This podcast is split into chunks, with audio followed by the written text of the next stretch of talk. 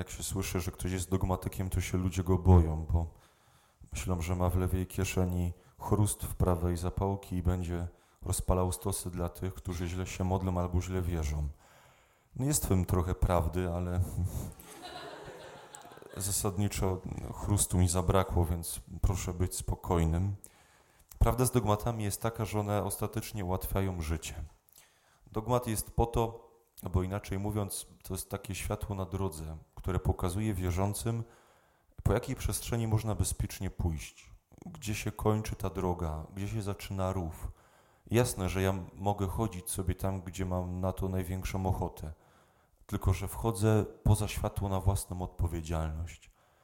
Dogmat mi pokazuje e, przestrzeń, gdzie jestem bezpieczny się, gdzie będę się rozwijał i gdzie dreptając dojdę na pewno tam, dokąd on prowadzi.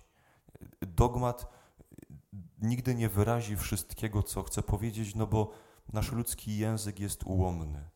Ja mówię o tym tak na początku, bo my dzisiaj, tego 25 marca, to jest dokładnie 9 miesięcy przed Bożym Narodzeniem, jesteśmy świadkami najważniejszego wydarzenia w chrześcijaństwie. Ono się dokonuje w absolutnej ciszy, spokoju, w jakimś małym domku Nazaretu. Się dokonuje największa rzecz wszechświata. Bóg staje się człowiekiem. Na początku o tym nie wie prawie nikt. Wie o tym Maryja, wie o tym ten Bóg, który przychodzi. A zobaczcie, że po dwóch tysiącach lat ta prawda dochodzi do Opola, dochodzi do Gliwic, dochodzi do całego świata i ten dogmat nie przestaje świecić. To znaczy, że my idąc w tę stronę możemy być spokojni, że, że wierząc w Boga, który jest prawdziwym człowiekiem, dojdziemy do tego wszystkiego, co nam obiecuje. Ale ja nie chcę z tego robić, wbrew temu, co Łukasz zapowiadał, dogmatycznego wykładu, tylko chciałbym zerknąć do tego pierwszego czytania z Izajasza i pokazać go na tle tej Ewangelii dzisiejszej. Dlaczego? Bo to jest arcyciekawe czytanie. Ono właściwie, jak się je czyta, w tym krótkim kawałku pięciu zdań, które nam autor lekcjonarza na tę uroczystość zafundował, to może właściwie budzić wiele pytań i, i ogromne zadziwienie z powodu tego króla Achaza. Pan mówi do Achaza. Achaz to był król jednej z części yy, królestwa Izraela. Mówi: proś o siebie, dla siebie o znak od Pana, czy to głęboko w otchłani, czy to wysoko w urze. Achaz odpowiedział: Nie będę prosił, nie będę wystawiał Pana na próbę. Cudowny przykład wiary. Jest, wydaje się, że to jest człowiek, który wierzy wiarą tak głęboką, tak, tak mocną, że on nie potrzebuje żadnych znaków. On się brzydzi cudami. On nie potrzebuje żadnego znaku, bo on jest pewny siebie. Tylko jak się czyta rozdział wcześniej, rozdział później, okazuje się, że wcale nie jest tak różowo. Achaz staje przed jako król staje przed bardzo trudną sytuacją polityczną. To znaczy, jego królestwu zagraża poważne zagrożenie i kombinuje, jak to zrobić, żeby jego królestwo się ostało. I wykombinował, że on się sprzymierzy z Asyrią, czyli z ludem, który jest bardzo daleki od Boga Izraela, w którego interesie na pewno nie jest pobudzić ten lud do prawdziwej wiary. I pojawia się prorok Izajasz, który do niego przychodzi po raz pierwszy i mówi: zaufaj Bogu. Ten sobie nic z tego nie robi. Przychodzi Izajasz po raz drugi i mówi, jak nie chcesz zaufać Bogu, bo nie potrafisz, to proś o siebie o znak od Pana Boga Twego, czy to głęboko w otchłani, czy to wysoko w górze, w nawiasie. Może jak zobaczysz ten znak, to uwierzysz, że w to, w co chcesz się pakować, nie przyniesie Ci pożytku, że ten sojusz się źle skończy że nie w ludziach masz pokładać nadzieję, ale w Bogu, bo w Nim będzie ocalenie. I dopiero wtedy ta odpowiedź Achaza jest drugą stroną monety.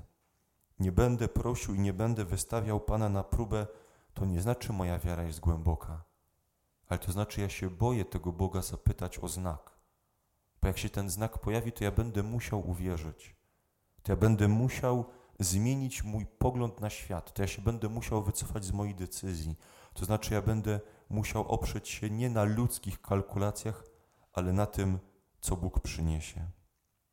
Historia się źle kończy, bo Achaz nie ufa Bogu. Idzie w sojusz z Asyrią i ten sojusz z Asyrią za kilkanaście lat doprowadzi do tego, że owo królestwo stanie się niewolnikiem i podwładnym y, tejże Asyrii. I zobaczcie, jak się kończy bardzo podobna historia osiem wieków później.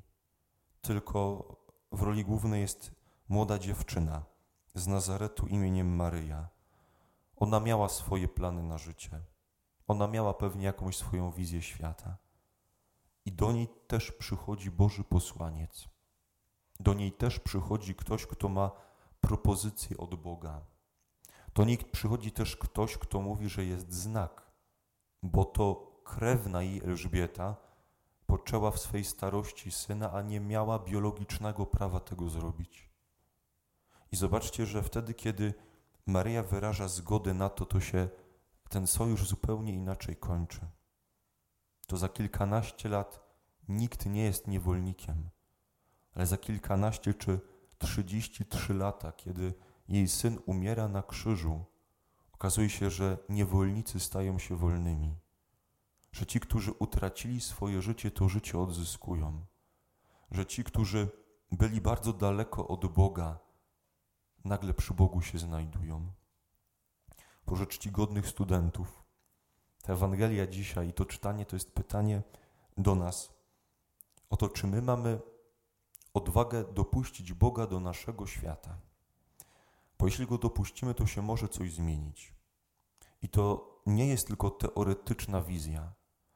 To dopuszczenie Boga może, może się wydarzyć w najmniej odpowiednim momencie. To może być chwila modlitwy. Proszę sobie przypomnieć Ewangelię sprzed paru dni o przemienieniu pańskim. Szli z Jezusem jak wiele dni jego uczniowie. To był normalny dzień. I zabrał ze sobą trzech uczniów na górę. I oni nie przypuszczali, że jak usną i nagle im się oczy otworzą, to staną się świadkami czegoś, co ma zmienić ich życie, bo ma umocnić ich serca.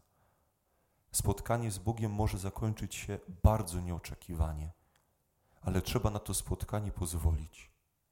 Bo te spotkania, do których Bóg zaprasza, które się nie kończą z Nim, kończą się źle. To pokazuje Achaz, to pokazuje historia Królestwa Północnego, to pokazuje historia Izraela. Te spotkania, do których Bóg zaprasza i na które człowiek odpowiada, kończą się tak jak to z Maryją. Kończą się życiem, które powstaje i które przynosi innym życie. Ta historia jest bardzo trudna, zwłaszcza dla tych wszystkich ludzi, którzy na co dzień, mówię o tej historii z Maryją, trochę bardziej angażują się w ścisłą dziedzinę nauki niż humanistyczną. Benedykt XVI powiedział, że dzisiaj Boga ludzie dopuszczają do bardzo wielu dziedzin, ale nie dopuszczają go do świata materii, ponieważ materia należy do nas.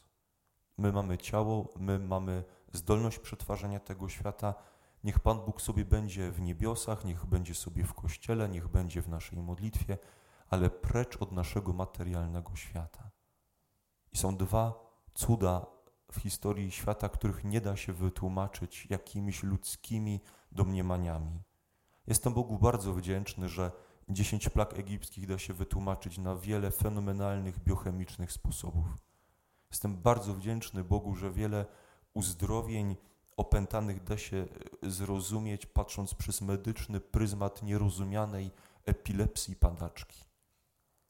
Ale nie da się zrozumieć tego, że dziewica poczyna, nie mając współżycia z mężem, z mężczyzną, i nie da się zrozumieć tego, że umarły człowiek zmartwychwstaje.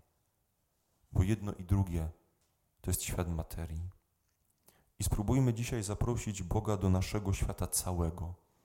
Uwierzyć całemu, to znaczy też zaprosić Boga do tego, co duchowe, do tego, co psychiczne, do tego, co fizyczne. Jak się go dopuści, to jest życie. Jak się go nie dopuści, to dzieją się nie najlepsze rzeczy. Mamy do wyboru, czy wybieramy drogę Achaza, czy drogę Maryi. Amen.